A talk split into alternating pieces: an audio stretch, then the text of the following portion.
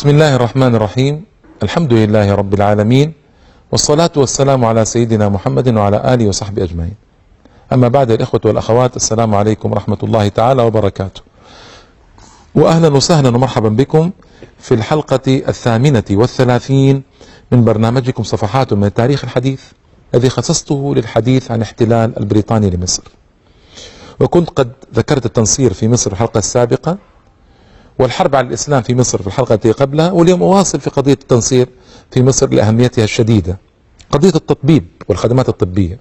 في ذلك الوقت في مصر كان الناس أمس الحاجة للمستشفيات وإلى الأطباء الفلاحون منتشرون والعوز والفقر ذكرته قبل ذلك عند الفلاح هو الأصل والأمراض الكثيرة بسبب الجهل وعدم التعليم لأن التعليم ليس مجانيا. ألغي التعليم المجاني على يد الإنجليز. والفلاح المسكين هذا اللي كان الدين والربا يحيطه من كل جانب وأوضاعه صعبة ماذا يصنع؟ إذا مرض أو مرض ابنه أو مرضت ابنته أو مرضت زوجته يذهب إلى المستشفى الحكومي يعني محدود القدرات محدود الأسرة محدود الوضع. فهنا يأتي دور التنصير أو أثر أو مهمة التنصير وظيفة التنصير. وهي مهمة خطيرة جدا ودنيئة جدا. لأنك عندما تستغل حاجات الناس بهذه الطريقة رجل يأتيك على وشك الموت تجبره إجبارا على الإنجيل وتجبره إجبارا بالتذكرة التي تطبعها له يعني مبلغ رمزي تكتب عليها يسوع هو سبيل الخلاص يسوع هو الذي يشفيك يسوع. يعني هذا هنا استغلال حاجات الناس من أجل التنصيب بهذه الطريقة وسيلة دنيئة جدا. هم ما زالوا إلى اليوم يعني منظمة أطباء بلا حدود منظمة خطيرة اليوم من أكبر منظمات العالم الطبية وهي منظمة نصرانية تعطي الدواء بيد والإنجيل بيد أخرى. وهذا يعني يعني التاريخ يعيد نفسه أمر متكرر. في مصر كذلك الشيء نفسه. فكان الفقير أين يذهب؟ يذهب إلى هذه المستشفيات ليعالج. ويجد الترحاب ويجد الوجوه الباسمة ويجد الأسرة النظيفة. يذهب إلى الحكومة يجد وجوه العابسة ويجد الأسرة القذرة ويجد المستشفى الصعب.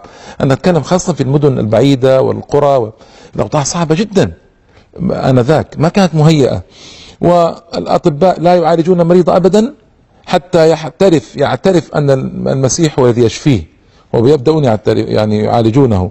وهناك طبعا عدة آه، مستشفيات في مصر كانت على رأسها مستشفى هرمل الإنجليزي. هذا مستشفى عجيب. كان في مصر القديمة لأن مصر القديمة هي الطريق إلى الأحياء الشعبية المكتظة بالسكان وطريق إلى آه، الأحياء التي فيها جهل كبير وقلة الوعي فهذه فرصة للمنصرين في تلك الأماكن. آه، ويتحملون يتحملون آه، آه، جهل الناس وجفاء الناس وقلة اللياقة واللباقة عند الناس كلها تتحملون صدر رحب وبابتسامة لأنهم أصحاب هدف وغاية أصحاب غرض. فأيضا المستشفى هذا قريب من القصر العيني. وهذه خطة ماكرة لأن قصر العيني مستشفى محدود القدرات محدود الإمكانات فعندما يذهب إليه الفلاح أو الضعيف أو كذا وما يعالج يذهب إلى مستشفى هرمل الذي بجواره مستشفى قريب جدا ونظيف ومتميز إلى آخره. فلماذا إذا يتعب هذا الفقير أو الفلاح المسكين والعجيب؟ يعني حيل الإنجليز لا تكاد تنتهي ومكرهم لا يكاد ينتهي. التذكرة إلى الساعة الثامنة صباحا مجانا. تذكرة الكشف. بعد الثامنة بخمسة قروش وهي مبلغ يعني ما أقول رمزي أنا ذاك مبلغ كبير نسبيا لكن هذا بعد الثامنة. قبل الثامنة مجانا لماذا؟ حتى يجتمع الناس قبل الثامنة فيأتي هذا المنصر ليتلو عليهم آه، آه، قصصا من الإنجيل أو يرتل تراتيل آه، إنجيلية أو يبين لهم أن المسيح هو الذي يشفيهم وأنه هو الذي يأخذ بأيديهم. انظر للمكر العجيب بهذه الطريقة. و أيضا لا يقصرون في تناول الدين الإسلامي بالهمز واللمز والغمز والطعن.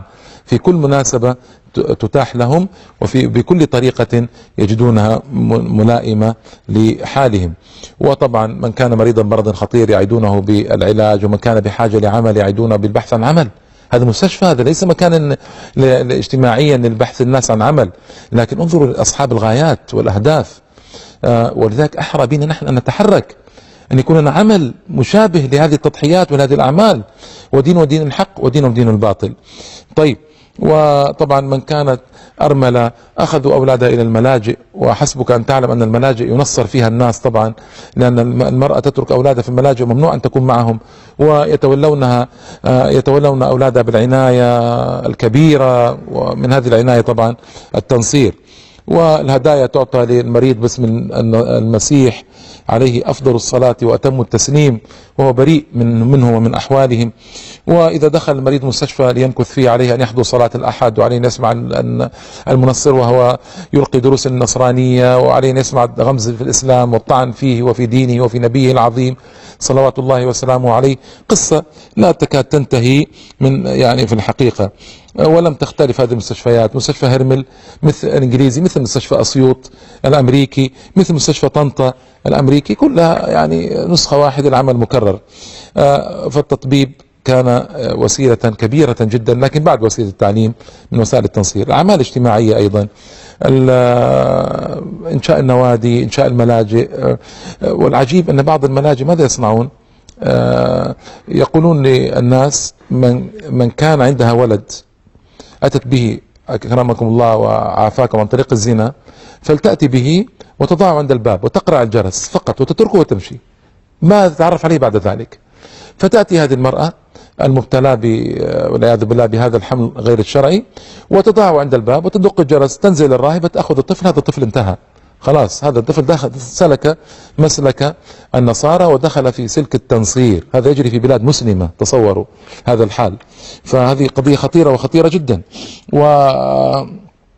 وملاجئ كثيرة ملجأ ليليان ملجأ أمريكي ملجأ سان لوي في العباسية في القاهرة. آه، ملاجئ ملاجئ آه، كثيرة وكثيرة جدا. بهذه الطريقة يأخذون الأولاد ويشجعون النساء على الزنا والعياذ بالله ليفسد النسوة ويفسد المجتمع.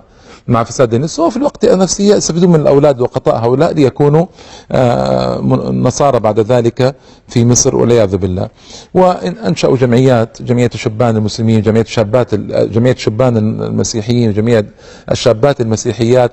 وفي هذه طبعا فيها حفلات وترويج وترويح واستجمام ورحلات خارجية وداخلية. وحسبك بهذا يعني جذبا جذبا للمصريين الفقراء المساكين الذين لا يجدون من يعنى بهم ويهتم بهم. ومفتوحة طبعا هذه جمعية شبان المسيحيين نعم بالاسم لكنها مفتوحة للمسلمين لمن أراد أن يأتي هذا مرحب به طبعا يأتي ويرحب به وما عنده أي مشكلة في دخول مثل هذه الجمعيات ودخول هذه الأندية ما, ما عنده أي إشكال. أيضا الوسيلة الرابعة بعد التعليم والتطبيب والوسائل الاجتماعية الكتب وطبع الكتب الفاخرة جدا. والمجلد تجليدا آه، رائعا بأسعار شبه رمزية أو توزيع المجاني في أوقات معينة أو جوائز على الطلاب في المدارس أو جوائز آه، أو هدايا لمن يأتي في مستشفياتهم آه، أو هدايا في الأنشطة الاجتماعية وفي الرحلات فيأخذها الإنسان إلى بيته فيضل بها والعياذ بالله. وسائل مركزة لغزو العالم الإسلامي وقلبه مصر غزوه غزوا مباشرا قويا واستغلوا فرصة أن مصر تحت الاحتلال الإنجليزي وأن الحكومة فيها حكومة ضعيفة تحت الاحتلال الإنجليزي. لا تملك نفسها حولا ولا طولا. فاستغلوا هذا أبشع استغلال وأسوأ استغلال. واستطاعوا فعلا آه، أن آه، يؤثروا في آه، جملة من المسلمين. من تنصر منهم كان قليلا من المسلمين كان قليلا جدا. لكن من تأثر بهذه الشبهات كان عددا كبيرا جدا. لذلك هم هذا مرادهم.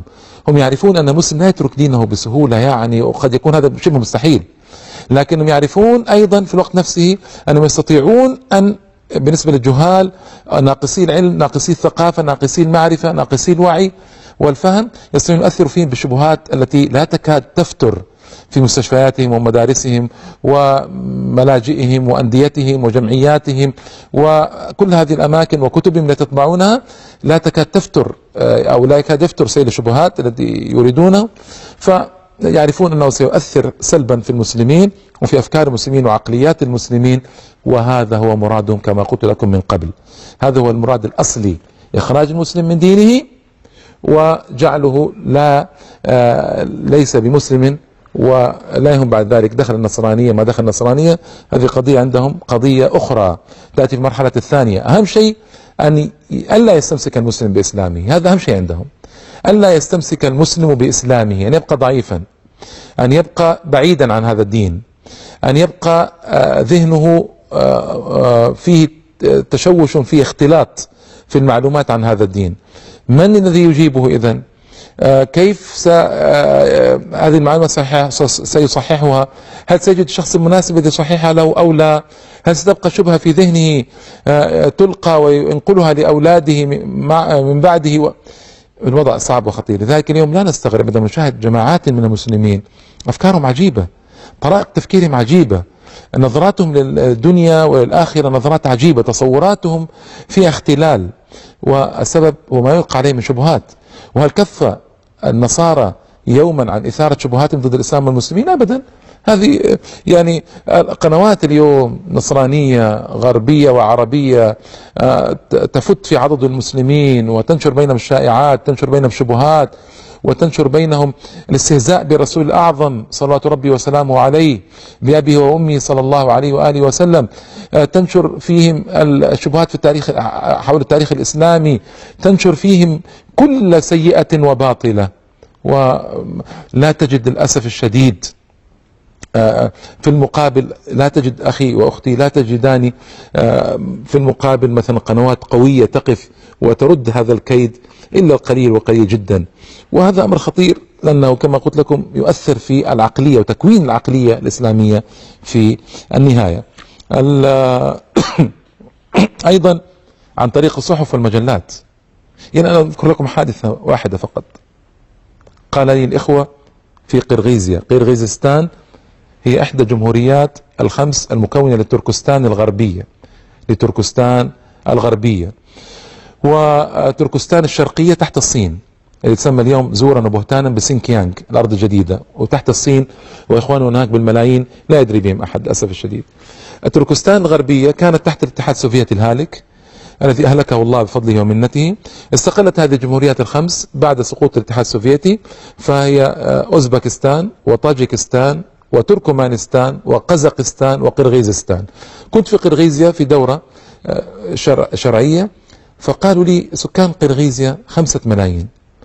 قالوا لي منظمة ألمانية نصرانية واحدة. اسمعوا يا إخوة. منظمة ألمانية نصرانية واحدة تطبع خمسة ملايين مجلة.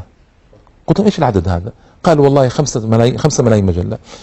للأطفال الصغار للأطفال المراهق الذي أوشكوا على المراهقة للمراهقين للشباب للذكور للإناث للعجزة للكبار للصغار لكل أفراد المجتمع. توزع خمسة ملايين نسخة. آه، شهريا أو أسبوعيا نسيت من هذه المجلة الرائعة في طباعتها في كتابتها في صقل ورقها في كل شيء. انظروا كيف يبذلون لدينهم هذا البذل العجيب والعجيب جدا. بعد الفاصل إن شاء الله تعالى سأذكر لكم يعني ماذا صنع المصريون لرد هذا الأمر وكيف استطاعوا أن يقفوا في وجه هؤلاء. آه، وهل استطاعوا أن يقفوا أصلا أو لا؟ بعد الفاصل إن شاء الله تعالى.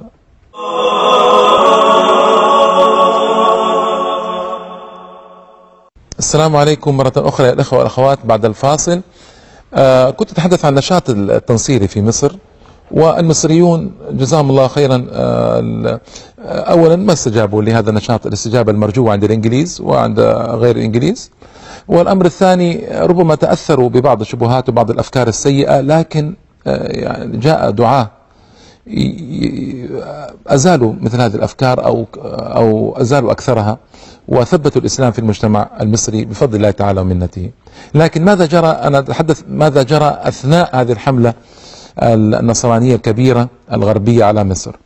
الأستاذ محمد عبده كان له أثر أيضا في بدايات في التذكير والتنبيه لهذه القضية.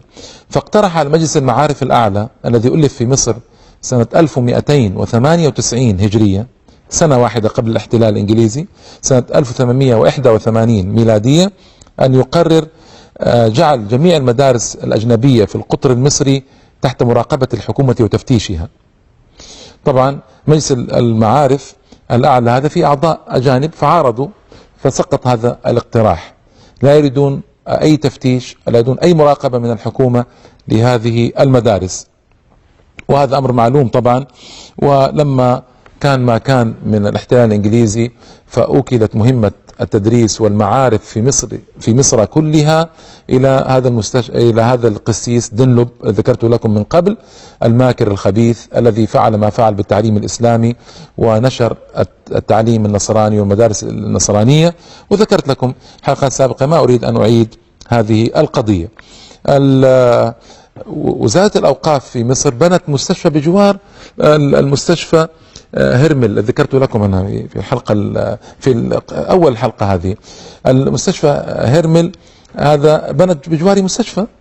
حتى يعني ما يذهب هؤلاء المصريون إلى مستشفى هرمل يذهبون إلى مستشفى تمويل وزارة الأوقاف.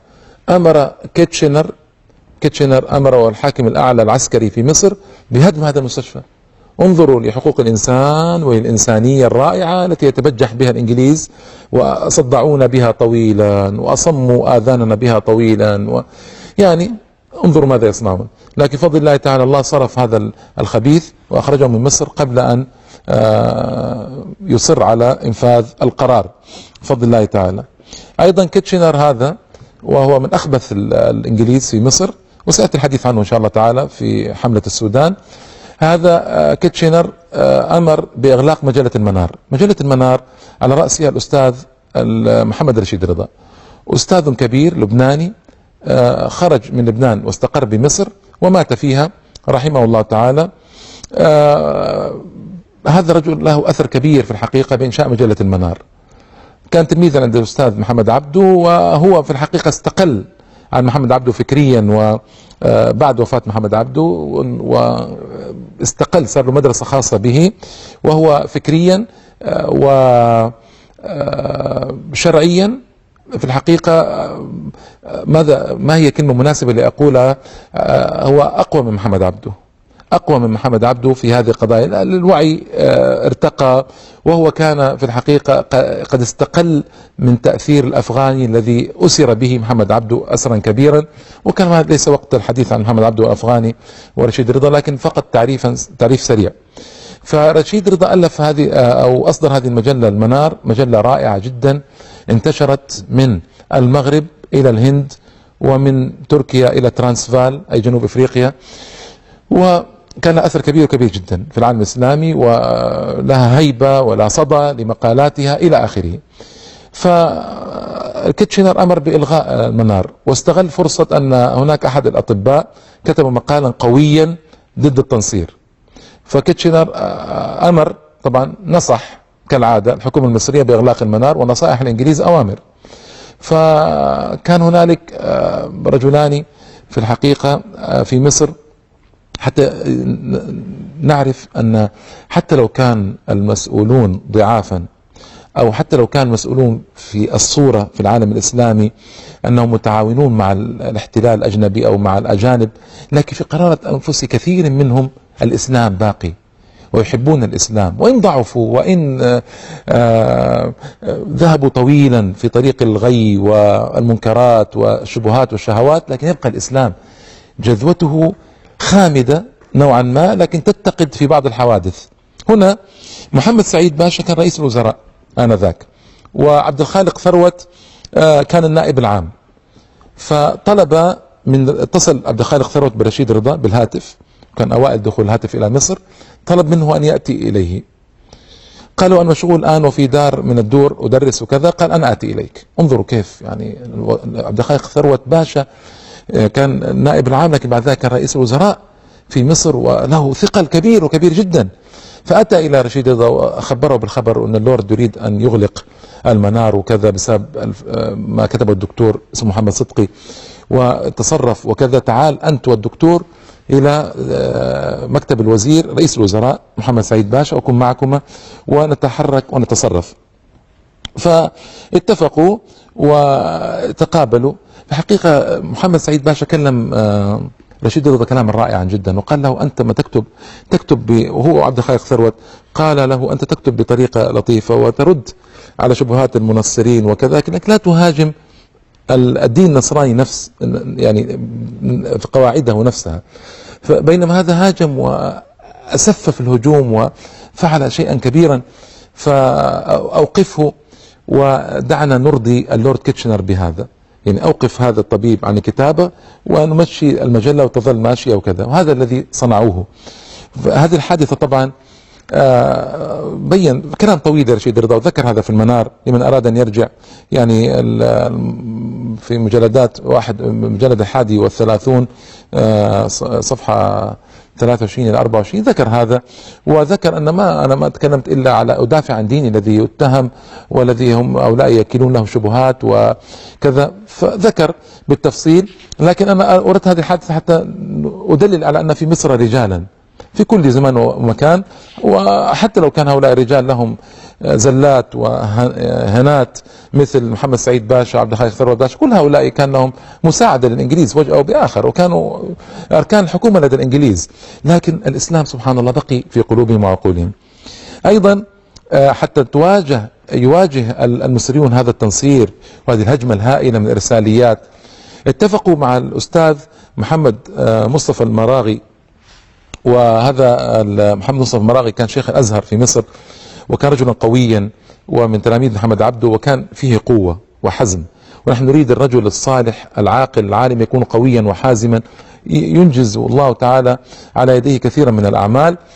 فهذا الرجل آه، اجتمعوا في جمعية شبان المسلمين يتداولون الأمر مع مجموعة من الكبار والوجهاء وأصحاب المناصب في مصر. كيف نفعل بهذه القضية؟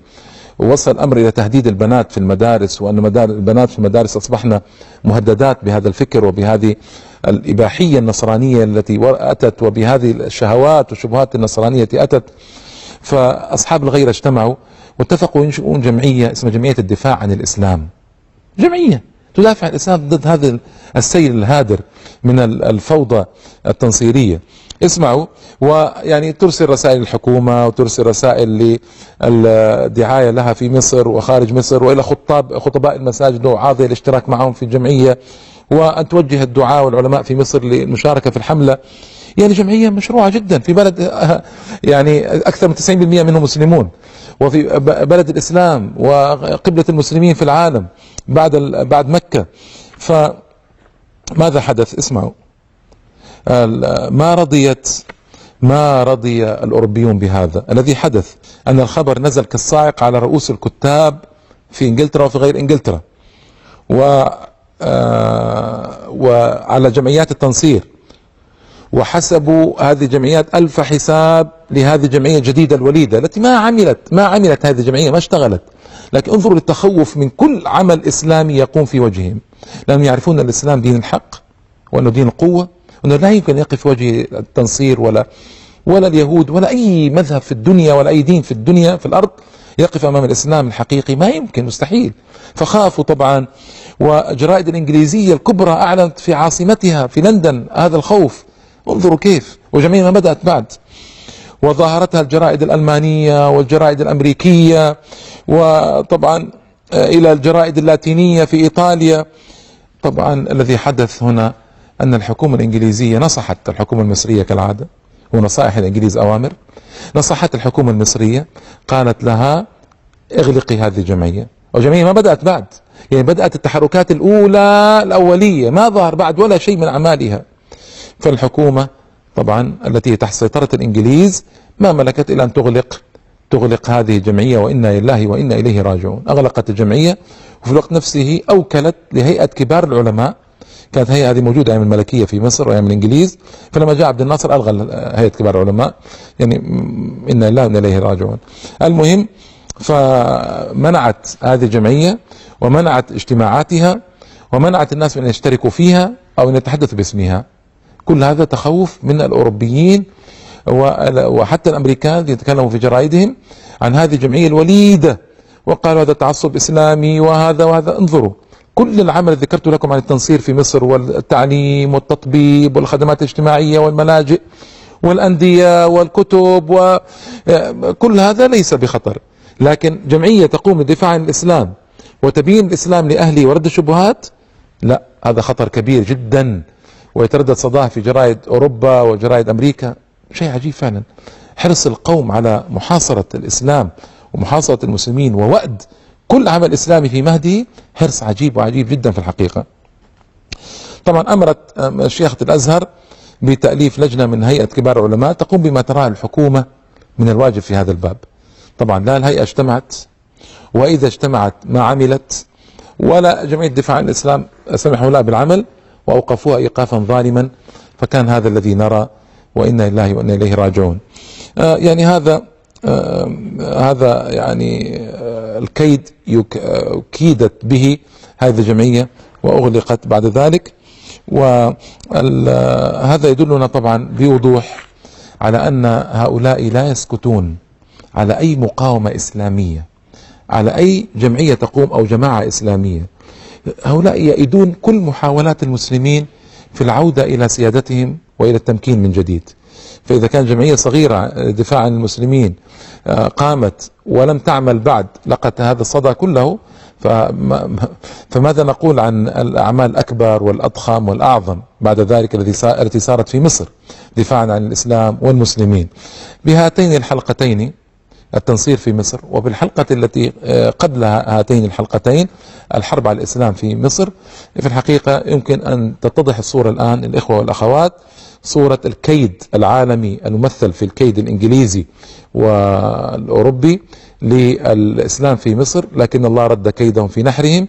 وأبقى الإسلام شامخا عظيما وأبقى المسلمين فضل الله تعالى آه، في الجملة مستمسكين بدينهم مفتخرين به ومعتزين به ولله الفضل والمنة العظمى في كل وقت وفي كل حين. إلى اللقاء في الحلقة القادمة إن شاء الله. والسلام عليكم ورحمة الله وبركاته.